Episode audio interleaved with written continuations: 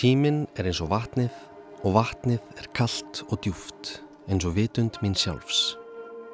Svo orti skáldið Steitt Steinar í ljóðabálkinum Tíminn og vatnið, tímamótaverki í íslenskri bókmyndasögu sem kom út árið 1948 og ruti brautina fyrir atomljóðið. Rúmum 70 árum síðar orti Anna Skáld um þessi sömu hugtök þegar bókin Um tíman og vatnið eftir Andras Næ Magnásson kom út haustið 2019. Um tíman og vatnið fjallar um þær grundvallar breytingar sem er eiga sér stað á eðli vass á jörðinni sögum nattrætnar hlínunar. Bókin lýsir því afframt hvernig skinnjun okkar mannfólksins á tímanum er líkilatriði til þess að skilja og takast á við þessa stærstu áskorun samtímans. Kæru hlustendur, eins og með öll stór málefni þá þarf meira en bara eina bók eða einn útvarstátt til að skilja þau til hlítar og málefnið sem hér likur fyrir lofslagsbreytingar af mannavöldum er án efa stærsta málefni okkar tíma. Til að vitna í andrasnæ þá eru breytingarnar sem við stöndum framifyrir flóknari en flest það sem hugur okkar er vanur að fást við. Það eru stærri en öll fyrir einsla okkar, stærri en tungumálið og flestar myndkverfingar sem við notum til að skilja veruleikan. Ég heiti Þorvaldur Sigurbjörn Helgason og verið velkomin í þáttaröðina Orðin sem við skiljum ekki. Í þessum þáttum ætla ég að fjalla nánar um tíman og vatnið, kafa dýbra í helstu umfjöllunarefni bókarinnar og heyra frá fólkinu, vísendamönunum, heimsbyggingunum og aðgerasinnunum sem hafa helgað lífsett því að rannsaka málefni sem eru stærri og flóknari en orð fá líst. En áður en við hefjum standa, skulum við byrja á því að heyra nokkur orð úr bókinni um tíman og vatnið, lesin af höfundinum, Andrasnæ Magnasinni. Við teljum að orð séu auðskilinn að skilningur á þeim sé okkur eðlislegur, að heimurinn sem er orðaður í blöðum og bókum sé heimurinn sem við skinnjum og skiljum, en það er alls ekki svo einfalt. Við erum til dæmis vöndið að láta orðið svo nattræn hlínun fara fram hjá okkur á meðan við bregðumst við mun léttvegari orðum. Ef við getum skinnjað í smáatriðum hvað orðin nattræn hlínun fylgja í sér, þá ættu þau að vera eins og ógn í æfintýrum og við ættum að finna fyrir hræðslu. Það getur tekið okkur áratíi, ég vil aldir að skilja ný orð og hugtök. Orð geta verið stór og orð geta verið smá. Þau geta verið nógu kraftmikil til að skapa heilan heim, bæði hugmyndafræðilega eins og í sköpunarsögu biblíunar þegar Guð glæðir jörðina lífi með orðunum einum saman og bókstaflega eins og þegar réttöfendar skapa heilan söguheim með orðum sínum eins og miðgarur ringadróttinsögu eða galdraheimur Harry Potter bókana. Orð geta verið svo hverstasleg að við tökum ekki einu sinni eftir þeim, nema ef þeirra nýtur ekki við. Samtengingin og er gott aðemi um það. Nokkuð sem við leiðum hugan sjaldan að og tökum sem fullkomlega sjálfgefnu, jafnvel þó að það sé algengasta orðið í íslensku tungumáli. Orð geta verið miskilinn eða einfallega mishefnuð, eins og til dæmis orðið snjáldurskina, skáldlegt en óþjált nýjirði yfir jafn hverstaslegan hlut og Facebook. Svo eru til orð sem eru svo umfangsmikil að það getur tekið mannkinnið heilu kynnslóðinar að skilja þau til hlítar. Orð eins og súrnum sjávar, mannréttindi og sjálfstæði. Þetta eru orðin sem við skiljum ekki. Á einum stað í um tíman og vatnið rítar Andri Snær. Orð hafa misjafna hlæðslu og það tekur mörg ár fyrir hugtök að ná fullri hlæðslu. Sem dæmi má nefna að ef við getum spurt íslenskan kotbónda frá átjánduöld út í hugtækið líðræði, fengjum við sennilega allt aðra skilgreiningu á orðinu heldur en við 2001. aldar fólk eigum að venjast. Þá má einni nefna orðin svo lofslagsbreytingar sem byrtist fyrst á brenti hér á landi í júni árið 1904 í tímariti hins íslenska bókmyndafélags. Eða orðið falsfréttir sem byrtist fyrst á brenti í Alþýðublaðinu 27. april 1950. Þó að grundvallar skilgreiningin á þessum orðum sé svipuð hefur skilningur okkar á þeim gjör breyst. Orðin eru full hlaðin. En jafnvel þótt orði lofslagsbreytingar sé full hlaðið eins og yfirvóðandi þrjumuski er ekki endilega þar með sagt að við breyðumst við því. Orð geta nefnilega líka verið eins og bakgrunnsljóð, suðið í nýja ískapnum sem fer óstjórnlega í taugarnar á okkur fyrstum sinn en við hættum á endanum að taka eftir.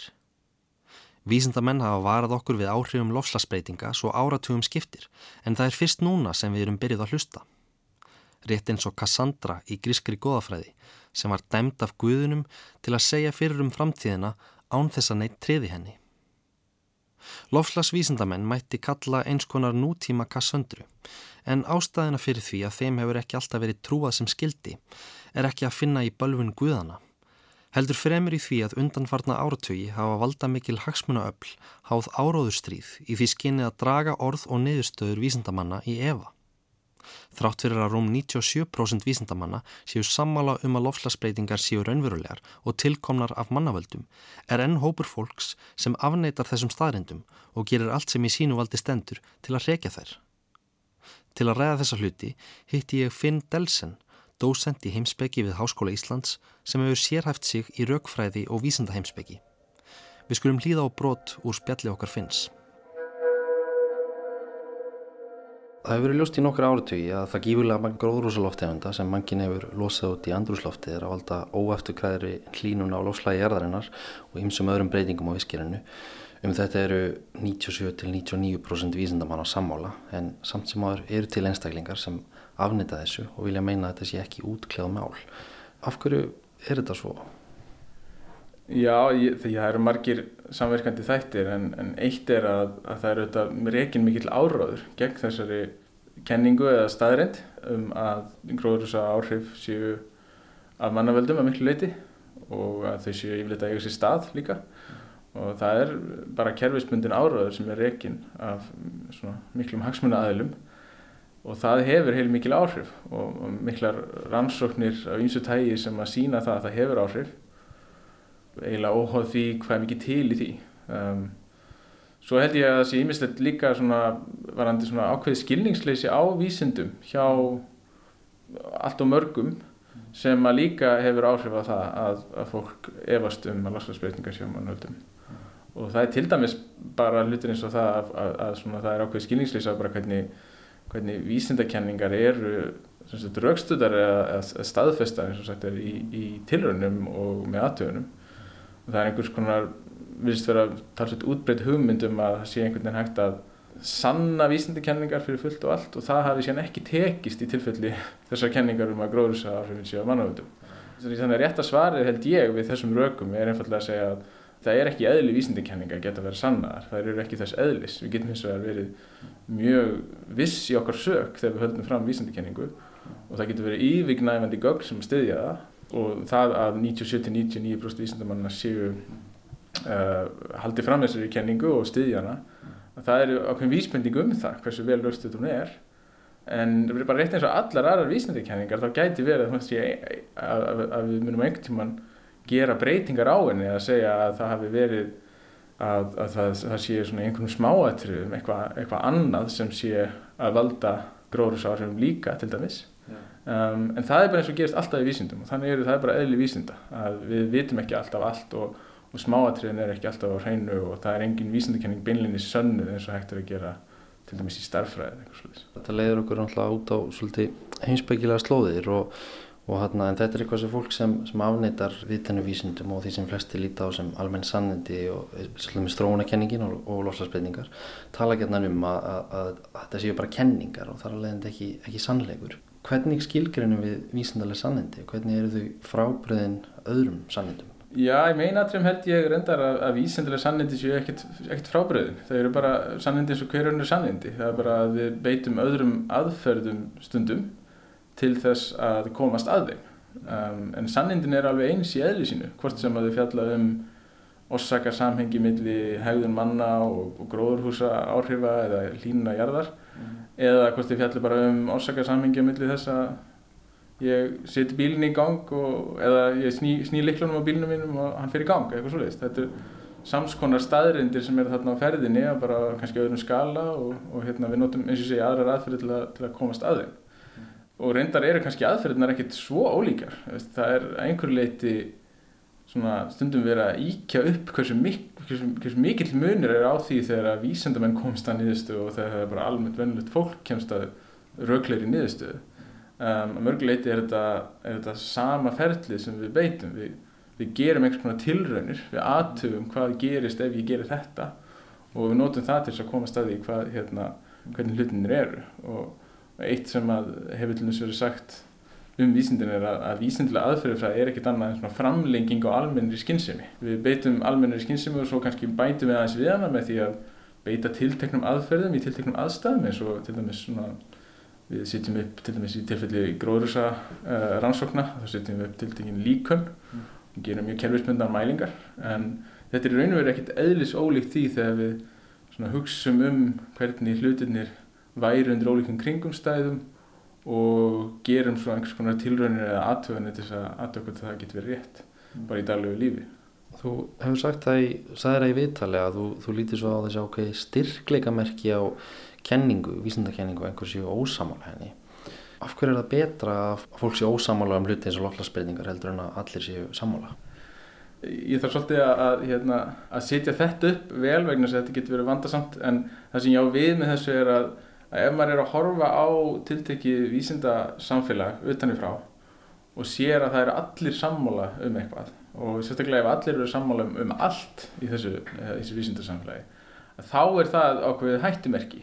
Þá, þá segir það okkur eitthvað um að það sé ekki alveg verið að beita gaggrinni hugsun uh, hver og einn einstakling kannski ekki alveg beita gaggrinni hugsun óháð hinnum og þar alveg er kannski ekki alveg mikið að marka það þegar fólk er, er sammála þannig að það sem ég á við er að það er okkur styrkleikamerki þegar að vísindamenninir sem að halda fram einhverju vísindakenningu ég haf bara þótt að súvísindakenning sé um, það sé algjör samstæða eða segjum nánast algjör samstæða um, um þá vísindakenningu. En það var ákveði styrklingamerki að þessi sömu vísindamenn sé þá ekki sammála um allt annað líka. Mm. og, kannski ekki alveg 100% sammála einu sinu um, um þetta. Og ég meina það er það sem að, það er með satt um gróður áhrifin og orsaki þeirra og ferð og spyrð loslagsvísinda mann þá mun hann eða hún alveg örglega segja að loslagsbreytingar séu af mannavöldum að einhverju leiti en svo ef þú spyrir nánar nákvæmlega hvernig hvert ferlið er og hver, af hversu miklu leiti það er að mannavöldum um, hvað aðrar orsakir getur verið uh, fyrir þessu og svo framvegs og ég tala ekki um að það fer að byggja viðkomandi að spá fyrir um, um framtíðina að þá mun muna miklu og, og það veitum við og það er ekkert lindamál vísindamenn er ekkert allir sammála en þeir geta verið sammála um tiltekinn grundvallaratriði. Og það er styrkleika merki að þeir getur verið sammála um ákveðin grundvallaratriði en, en jáfnveg þótt að þeir séu ósammála um ímsa aðra hluti. Viðþórfólks til uh, hluti eins og loslasbreytinga stjórnast að miklu leiti af stjórnmáluskofanu þess og, og hugmyndafræði. Við hefum séð á síðust árum að í löndum eins og bandaríkjanum að hugmyndafræðilega gjáin á milli vinstri og, og hægri er búin að stækka mjög mikið. Er þetta eitthvað sem við þurfum að hafa ágjöraf hér á landi? Já, það sem þú ert að tala um þarna er náttúrulega svona það sem kallast einsku polarisering eða, eða skautun uh -huh. og það er eitthvað sem að já, í minst félagsvísindi en líka hinsbyggin hefur svolítið verið að fást við mm. uh, undanföldnum árum og náttúrulega kannski mest á bara undanföldnum fjórum, fimm, sex árum eitthvað svolítið þegar við höfum séð svona afleðingar þess mm. á stjórnmál og, og skoðanir fólks. Eitt af því sem að hefur verið bent á, sem ég held að sé mikið til í, er að það er ekkit endilega órökrétt af fólki að, að mynda sér skoðanir það, þannig að, að hérna, út frá því sem að, sem að annað fólk sem það þekkir og, og tristir mm. uh, segi þeim. Uh, það er bara eitthvað sem að vera eiginlega óhjákvæmilegt í mannlegu samfélagi að við getum ekki komist á öllu sjálf, við getum ekki gert tilraunir eða, eða aðtöðunir á öllu sjálf þannig að við verðum að trista fólki í kringum okkur. Og, og þá, þá er spurningin hverjum tristum við? Og einhver leiti er er, er eðlilegt að trista þeim sem við erum nú þegar sammála um, um aðra hluti. Og, og þá er ekkit erfitt að sjá hvernig þetta mun hægt og rólega verða til þess að, að fólk sem er nálægt hvort öðru í skoðunum um eitt mál, það mun einhvern veginn nálgast hvort annað í skoðunum um önnum mál og hægt og rólega myndast svona, svona polarisering, þú, þú hættir eiginlega að tala við þá sem er ekki sammálaðir og, og þá verður þetta til og það er held ég er ástæðan fyrir, fyrir því að miklu leiti að við sjáum að það er, það er rosalega einsleikni að verða til í, í okkar samfélögum í því, kemur, í því þegar það kemur að hvaða skoðunum fólk hefur. Það er hætti ekkit endilega volað gott fyrir, fyrir líðræði, þetta sé þannig að, að, að sé orðið erfitt fyrir okkur að tala saman, að finna svona sameinlega snertifliti. Mm. Þannig, þannig að ég hef þessari áhengir af því og, og, hérna, og held að við ættum að já, prófa ýmislegt og, og ættum að leggja ýmislegt á okkur til þess að reyna að snúa þessari þróun við. Og til dæmis þetta sem að heimsbygging getur gert er eða þekkingarfræðin sagt, hún, hún fjallar um hvaða skoðanir eru raukstudar ekki bara hvaða skoðanir eru sannar og réttar heldur líka hvaða skoðanir eru sko raukstudar út frá sjónarhóli ólíkra einstaklinga. Og með hana að vopni þá getum við séð hvernig það getur verið raukrétt að einstaklingi að trú einhverju sem er ósatt mm. og það þarf semst ekki endilega að vera einstaklingnum að kenna í einhverju skilningi að viðkomandi hefur myndað sér ranga eða, eða ósanna skoðu það getur verið að umhverfi þess séu sé um að kenna. Og, og þá er ekki gaglegt að veifa fingrunum af fólki og segja að þú ert með rángar skoðanir. Uh, vegna þess að það getur kannski gert bara illt verra. Um, heldur þurfum við þá í þessi staðin að, að þessi stað að, að mynda umhverfi utanum það hvernig við myndum okkur skoðanir til dæmis bara í mentakerfinu og í fjölmjölum sem er þannig að fólk hafi þá aðgang að réttum upplýsingum og frá fólki sem það telur sig geta trist í, í stað þess að myndist svona búblur að, þar sem að fólk tala bara við fólk sem það tristir og það er auðvitað vest þegar að fólki sem það tristir er síðan að reyna að vilja um fyrir þér. Eins og Finnur benti á, reyka auðvögir hagsmuna aðilar gífurlega mikinn áróður í því skinni að afvegaleiða almenning og berjast gegn aðgerðum í lofslagsmálum. Sá yðnaður sem hefur verið einna stórtækastur í slíkum áróðri er ánefa ólíu og gasiðnaðurinn sem er jáfnframt sá yðnaður sem ber mesta ábyrð á útblæstri gróðrúsaloftegunda síðustu 250 ár. Í skýrslu sem kom út fyrir tveimur árum á vegum hugveitunar Influence Map kemur fram að fimm stærstu ólíufyrirtæki heims eitur rúmum einum miljardi bandarækjadala á árunum 2015 til 2018 í að halda út í misvísandi áráðuri gegn loflasmálum og fjármagna þrýstihópa sem hafa að markmiði að koma í vekk fyrir að stjórnvöld víða um heim herði aðgerðir í loflasmálum. Bókin Merchants of Doubt eftir Naomi Oreskes og Erik M. Conway fjallar um nokkra af mönnunum sem standa að baki slíkum lofslags lobbyisma eins og það er stundum kallað. Þetta er lítill hópur vísindamanna sem frá setni hluta 20. aldar og allt til dagsins í dag hafa haldið út í misvísandi áróðri og sáð fræjum evasemta hjá almenningi um ímis viðtekin vísindi, svo sem skað sem er reykinga, finningu ósónlagsins og nattræna hlínun. Gjarnan á launum hjá tópaks og ólíuframleðindum. Sumir þessara sölumanna Evans voru háttskrifaðir vísindamenn á sínu sviði, eins og til dæmis nafnarnir Fred Singer og Fredrik Seitz, tveir eðlisfræðingar sem hlutu mikinn frama fyrir hernaðarlega rannsóknir á tímum kaldastriðisins. Þeir fóru hins vegar yðurlega langt út fyrir þekkingasvið sitt í gaggrinni á vísindi sem þeir auðvitað enga mentun í, eins og lofslagsvísindi og læknisfræði. Aðferðirnar sem þessir menn beittu til að ruggla almenningi rýminu voru fyrst og fremst að fá fólk til að evast um réttmæti vísindakenninga og sverta orðspór vísindamanna, meðal annars með því að skrifa greinar sem voru með orðfæri og stíl viðurkendra vísindaransóna en komust að gagstæðri neðustöðu. Fred Singer stopnaði til dæmis NEPCC árið 2004 sem ansvar við EPCC, milliríkja nefndinni um lollasbeitingar.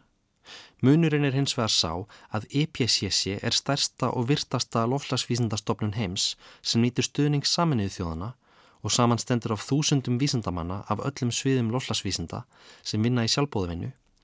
En NEPCC er stofnun sem samanstendur á fámennum hópi lofslagsafneitara sem fæstir eru raunar sérfræðingar í vísindunum sem þeir gaggrina og eru á mála hjá ýmsum hæri sinnuðum hugveitum og stórfyrirtækjum. Það er rétt að taka fram að þeir vísindamenn sem afnita lofslagsbreytingum eru aðeins agnar smár minnirluti innan vísindasamfélagsins en það hafa marga rannsóknir sínt fram á að yfir 97% vísindamanna eru þeirra skoðunar að lofslagsbreytingar séu af mannavöldum. Enguða síður hefur þessi minnirluti valdið gífurlegum skada, ekki síst vegna þess vettfangs sem þeir hafa fengið til að viðra skoðanir sínar í fjölmiðlum. Það er þeim gerðan stilt upp á móti viðurkendum lofslagsvísindamannum í eins konar kappræðum Slikt hefur sem betur fer ekki tíðkast hér á landi en er mjög algengt í hennum ennskumælandi heimi. Eins og höfundar Merchants of Doubt benda á er þetta hættuspill sem er til þess einsfallið að grafa undan trúverðuleika vísinda í heilsinni. Á virkri vísindalegri rökræðu geta verið margar hliðar en þegar vísindaleg viðfangsefni hafa verið leist er bara ein hlið eftir. Ímyndið ykkur að koma jafnvægi á hvort jörðin snúist í kringum sólina, hvort jarðfleikarnir reyfist eða hvort DNA geimi erðaefni. Þetta var allt útkljáð fyrir löngu hvað vísindin varðar. Það getur engin byrt grein í vísindatímariti og haldi því fram að sólinn snúist í kringum jörðina. Að samaskapi er ekki hægt að byrta grein í réttríntu tímariti og halda því fram að það sé engin nattræn hlínun. Já, það skiptir svo sannlega máli hvernig hlutinir eru settir fram og hvernig þeir eru orðaðir. Í líðræði samfélagi þar sem tjáningarfrelsi ríkir er vissulega öllum frjálst að segja skoðin sína, hversu upplýst eða óupplýst sem hún er. Það er eins og að stór munur á skoðunum og vísindum og það er í bestafalli kjánalegt að stilla þeim upp hlið við hlið sem tveimur í uppgildum pólum og í verstafalli stór hættulegt. En förum út í aðra salma. Nú á tímum falsfritta og lofslags afneitunar er miðlun upplýsinga mikilvægari en nokkru sinni. En hvernig var þessu háttað í árdaga þegar enn var verið að móta þjóðarsál Íslandinga? Í desember síðastleinum heimsótti ég stopnun Árna Magnussonar og heiti þar Gísla Sigursson, rannsórnar profesor og þjóðfræðisviði. Ég spurði Gísla út í hlutverk og eðli íslensku fortsagnana og þá sérstaklega góðsegurnar. Tekstar eru aldrei bara orðin sem eru á bladinu heldur. Flutningurinn og viðtökurnar og allt umhverfið í kring og svo menningarjarfögur sem eru sprotnir úr. Og það er það sem er kannski það áhugaverða við þessar fortsögur okkar allar og hvæðin og goðafræðina að, hérna tókst á miðaldum skam eftir að Ríðald gengur í gard tókst fólki og fjekk einhvern veginn þá hugmynd að fanga þennan munlega arfsinn með þessari nýju tækni sem að var komin í samfélagi að skrifa.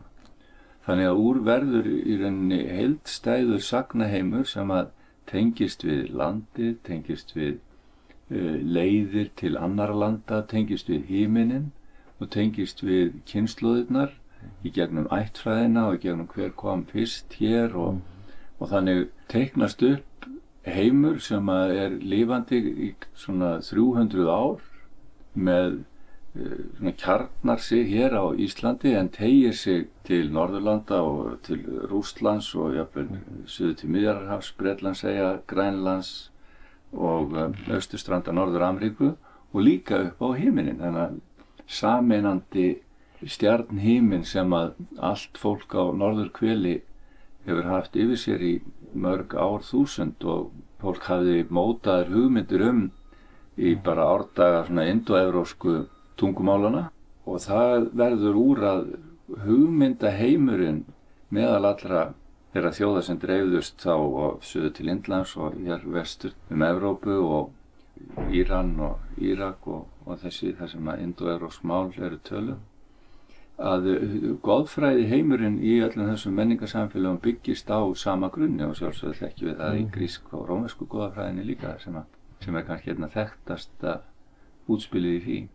Já, og því að þú minnist þannig á hliðstæður og milli ólíkra menningar heima í bókinni um Tímón og vatnið eftir andra snæði þá kemur hann með nokkuð áhugaverða skemmtilega kenningu um hann auðumlu og bendir á finnur hliðstæðir á milli okkar norrætni og goða fræði þar sem auðvumla kemur náttúrulega fyrst fram hann í hvers norrættu og er sögð vera alheims eh, það sem heimurinn er skapaður úr og, og svo bendir hann á að sýstur auðvumlu sem er í, í indverskri goða fræði, Kamadenu og hefur eitthvað skoðað þetta?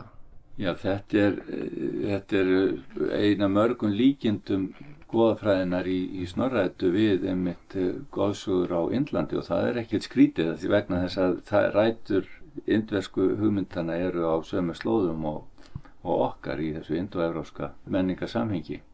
Og það er alveg óhætt að ganga út frá því að þessar hugmyndir í goðafræðinu eru mjög gamlar og þær hafa lifað lengi á vörum fólks í samspili við heiminn sem það bjó í og ekki síst heiminin sem var yfir öllum og snorra þetta til dæmis hún er með stöðar tilvísanir í öll þessi fyrirbæri á himni sem er það að lýsa. Það er heimstrið askur yggdrasils er á himni mm.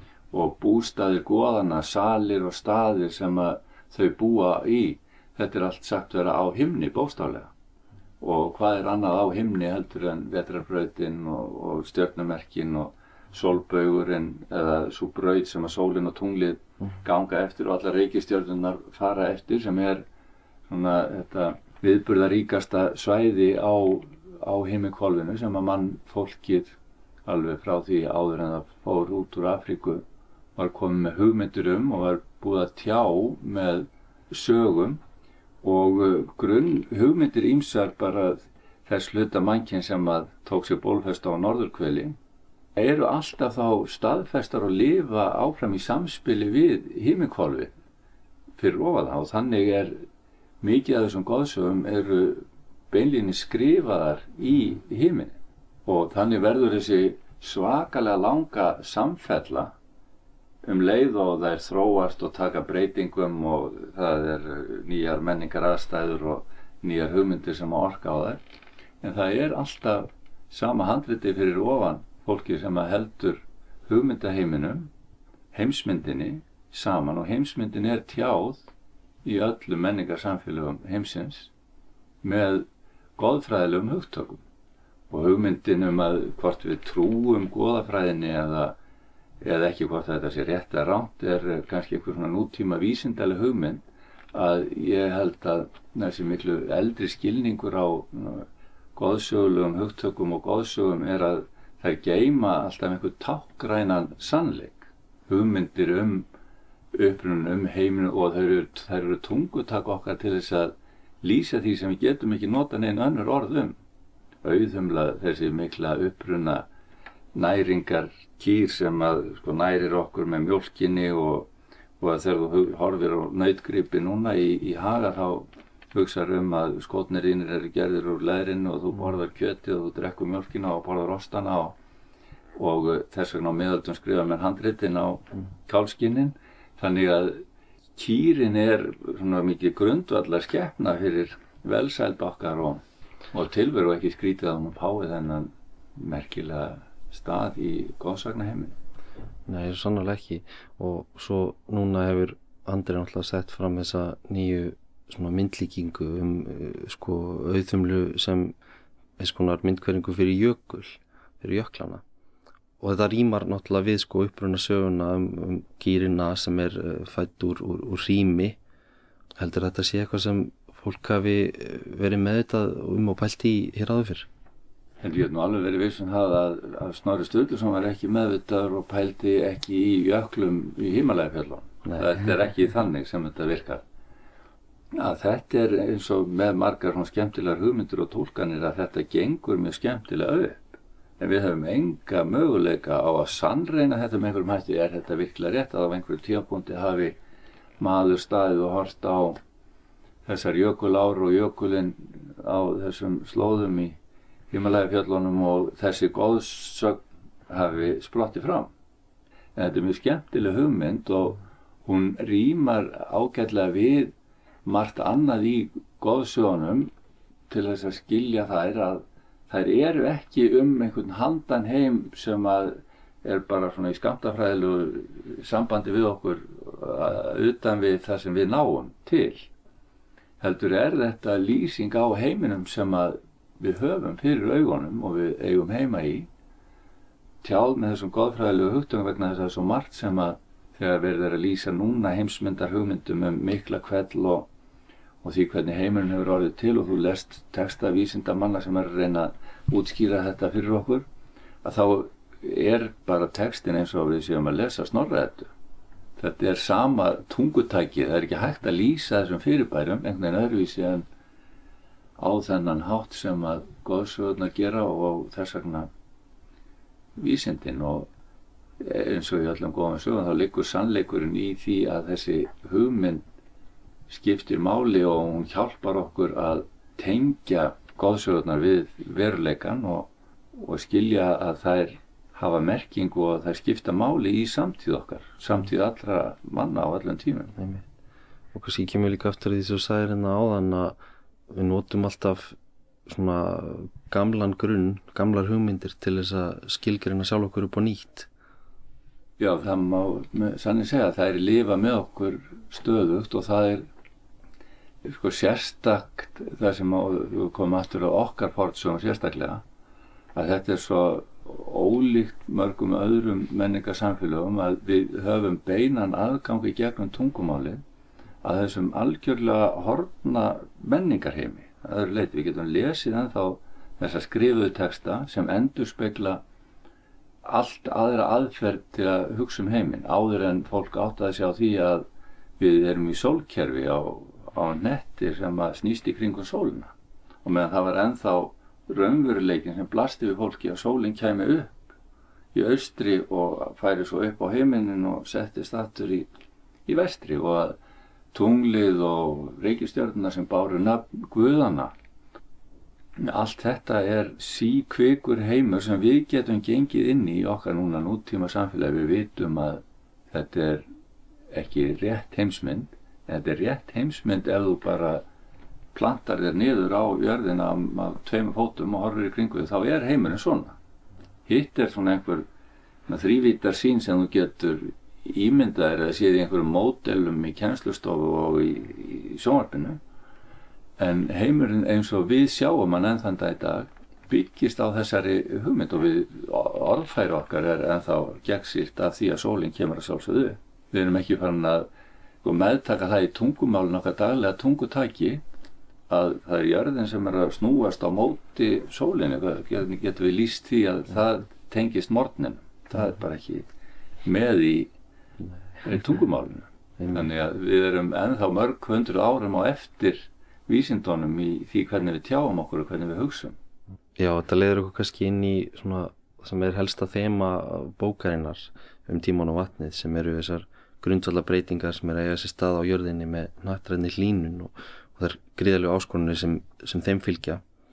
Og, og Andri lýsir því þannig í bókinu að þetta séu örun svo stórar hana, breytingar að það þurfi reynilega að leita áslóðir goðafæðinar til að ná utanum þar og finna einhverja hliðstæðu. Heldur þú að góðsögunar geti á einhvern nátt hjálpa okkur að skilja þetta eða þurfum við kannski að skapa okkur nýjar góðsögur fyrir, fyrir framtíðina? Við erum alltaf að skapa okkur nýja góðsögur og, og hérna, það er kannski eh, aldrei óhefnilegt að hugmyndin um góðsögur og orðið góðsögur, sérstaklega einsku mið, hefur fengið þá hugmynd að þetta er einhvers svona lígasögur og, og vittleisa og, og hérna, eitthvað sem þurfa að riðja úr vegi fyrir sannleikan. En þá gleymist það að þessar góðsögur einmitt eru mjög gamal reynd aðferð mannkynsins til þess að greina sig, allar personurnar sem eru í þessum saknaheimi, það er geima öll personu einkenni manna, sálgreining nútímans er notar að sjálfsögðu önnur hugtök en byggist með þessi á goðafræðinni að á þann hátt getum við ennþá nota þær til að skilja bara þá krafta sem búa innra með okkur og þá krafta sem takast á í átökum manna til þess að skilja allt þetta og hvað þarf til. Svo við getum snúið einhvern veginn af einhverju braut eins og andri er að reyna að fá okkur til að gera. Þá hjálpar sjálfsögðu að, að skilja heiminn í þessum stóru einingum og, og sjá þá krafta sem að bæði knýja veröldina áfram og við ráðum kannski ekki mikið við og síðan þá krafta sem knýja okkur sem mannfólk áfram og við erum stöðugt að reyna að koma einhverjum böndum á með alls konar reglum og hugmyndum og, og síðum og vennjum sem að gengur misvel eins og núna síðast erum við að horfa upp á það að í okkar svona litla líðræðis, líðræðis hluta heimsins þar sem að við viljum að átök fari fram eftir líðræðislegum og lögformlegum rögvísum leiðum. Að stjórnmálamenn eru sko farnir að án þess að hika að efast um líðræðið, efast um kostningar, efast um domstóla, efast um allt kerfi sem er náttúrulega bara okkar verk. Þetta er bara kerfi til þess að búa saman í fríði og koma böndum á þessar góðmögnuðu krafta sem við erum stjórn að klíma við og það er ekkert náttúrulega mál að fríðurinn haldist og, að, og allt er þetta eilíðar vandamál sem að goða fræðin kennur okkur líka. Það er þessi eilíðar ringrás. Við erum í, í mjög stóru samhengi alltaf að endur taka alla ringur ás lífsins í, niður í smæstu einingur og upp í þær stærstu og, og einmitt láslagsbreytingarnar sumir hefastum að við getum haft nokkuð um það að segja þetta sé eina af þessum stóru sveiflum bara sem við erum stödd í og allt fari einhvern veginn saman hvað við gerum og, og það er eitt sjónamið, annars sjónamið er að við reynum að gera það sem að minnst að við sjáum augljóslega að, að við höfum grípið inn í þróunna með eins og andri gerir mikið úr þannig jarðefna eldsneitinu allur sem að steipist eins og detti hoss í gín bálsins hverja stund og auðvitað hefur þetta áhrif og við getum móta það með einhverju svona sín á heiminn og hvernig við viljum, viljum hafa. En ég er alltaf ekki stjórnmálamæður, heldur er ég bara að reyna að skilja þessar góðsögur og, og hvernig það er endur spekla hugmyndir okkar um heiminn. Eins og Gísli Sigursson nefndi hér áðan er heimsmyndin í öllum menningarsamfélögum tjáð með góðfræðilegum hugtökum. Jafnvel þótt vísindi hafi tekið við af trúarbröðum sem ráðandi afli í vestrætti menningu, þá er grundvöldur mannlegrar tilveru en þá markaður af góðsögulegri hugsun. Hreyfingar heimintunglana, árstíðnar, ringar ás vassins, líf og dauði, allt eru þetta náttúrulegir ferlar sem hægt er að útskýra með vísindalegum hugtökum. En það hvernig við hugsum um þessi ferli og hvernig tungumálið lýsir þeim endur speklar miklu fremur ævaformt huglagt sjónarhort mannskeppnunar en hlutlagan og vísindarlegan sannleika. Sólinn rýs í vestri og sest í austri og jábel þótt við lærum í barnaskóla að sólinn snúist ekki í kringum okkur, heldur einmitt öfugt, þó hefur svo þekking ekki breytt grundvallar skilningi okkar á þeirri skinnjun. Lítum aðeins á eina af þeim góðsögum sem gjarnan er nótuð sem dæmisaga um mankinnið og þráð þess eftir ólíu og eldi. Grísku góðsöguna um Prometheif. Andris nær fjallar um Prometheif í tengslum við kjarnorku vísindamannin Robert Oppenheimer sem ég sæði frá í síðasta þætti. Prometheifur var títan sem er sæður hafa skapað mannkinnið úr leir og er almennt talin helsti málsvari mannsins meðal grísku guðana. Honum er stundum einnig eignaður heiðurinn af því að finna upp vísindi, listir og rítmál. Helsta fræðarverk Prometheifs og það sem innsiklaði örlug hans var þegar hann stál eldinum frá guðunum á Olympusfjalli og færði hann mannkyninu. Þetta vakti ómælda reyði guðana og Seifur refsaði Prómiþeifi fyrir brotið með því að láta hlekja hann við stein þar sem örn kom fljúandi að og átt livrina úr títaninum. Livrin óksins vegar aftur yfir nóttina og daginn eftir kom örnin og átana enn á ný. Þannig endur tók sagan sig til eiliðar nóns. Sónur Prómiþeifs var Devkalion og þrátt fyrir að hann sé ekki að frægur á fæðirinn reyndist hann ekki síður mikilvægur framþróun mannkinsins. Devkalion og Pirra, eiginkona hans, voru nefnilega einu mennirnir sem livðu af gríðalegt flóð sem Seifur sendi yfir jörðina þegar hann var orðin þreyttur á mankininu. Prómuþeifur hafði varað Devkalion við komandi flóði svo hann smíðaði sér og konu sinni örk sem þau hýrðust á í nýju daga og nýju nætur á meðan flóðið þurkaði út allt annað líf á jörðinni. Þetta hljómar eftir vill kunnulega en það eru sambærlega sögur af syndaflóði þekktaðir í nánast öllum menningarheimum þar á meðal í Gamla testamentinu. Það kom svo í hlut Dev Kaljóns og Pirru að skapa nýtt kyn manna. Það gerði þau með því að kasta aftur fyrir sig steinum sem umbreyttust í börn. Áðurinn í lík frásögninni af feðgunum Prómiþeifi og Dev Kaljón langar með að taka smá útúrtúr og leif ykkur að heyra brot úr bók bladamannsins David Wallace Wells The Uninhabitable Earth sem fjallar um margar af þeim erfiðustu áskorunum sem mannkynnið stendur framifyrir vegna nattrætna hlínunar. Hlýðum á brot úr fyrsta kapla bókarinnar. Nattræn hlínun hefur á ófyrir séðan hátt þjappað gjörvallri mannkynnssögunni saman í tvær kynnslóðir. Í fyrsta lagi er verkefnið um að endurskapa plánituna í okkar mynd. Útblástur, eitur kólefnislosunarinnar, grefur sig nú kæruleysislega í gegnum árþúsunda gamlan ís, svo hratt að bráðnunin sérst með berum augum og rústar umhverfiskilurðum sem hafa verið stöðug og ráðið ríkjum í gegnum bókstaflega alla mannkynsöguna. Þetta hefur verið verk einnar kynnslóðar. Setni kynnslóðin stendur andspæni skjör ólíku verkefni að varðveita sameinlega framtíð okkar, afstýra tortímingu og finna aðra leið. Það er einfaldlega engin hliðstæða sem hægt er að sækja í, fyrir utan trúarbröð og goðafræði. Andris nær sæði í fyrsta þættinum að góðsögur væri í raun eina viðmiðið fyrir afleðingar nattrannar hlínunar. Saga feðgana Prometheus og Devkalions er eitt slíkt viðmið sem við getum skoðað út frá orðum David Wallace Wells um að nattrann hlínun hafi þjappað mannkynsögunni saman í tvær kynnslóðir. Það er kynnslóð feðra okkar sem ber ábyrð á að stela eldinum frá guðunum líkt og prómiðheifur gerði. Þetta er kynnslóðin sem dældi upp svarta sólskíninu sem lá í yðrumjarðar með ófyrir síðu offorsi og leisti þar með á leiðingi öll sem er á pari við reyði guðana. öll sem hafa valdið því að jöklanir brána nú fyrir augum okkar, hafið súrna hraðar en það hefur gert í miljónir ára og sjáarborð rís og ógnar lífsviðurværi miljóna. Okkar kynnslóð stendur nú í spórum Devkaljons. Við höfum verið vöru við. Flóðið vofir yfir og það er algjörlega undir okkur komið hversu slæmar afleðingarnar verða. Ætlum við að ríkja yfir rústunum og reyna að endurskapa mannkinnið í nýri mynd eða ætlum við að afstýra því versta og beina flóðinu í annan farveg. Við erum kannski öll á sama báti en í þetta sinn verður engin örg.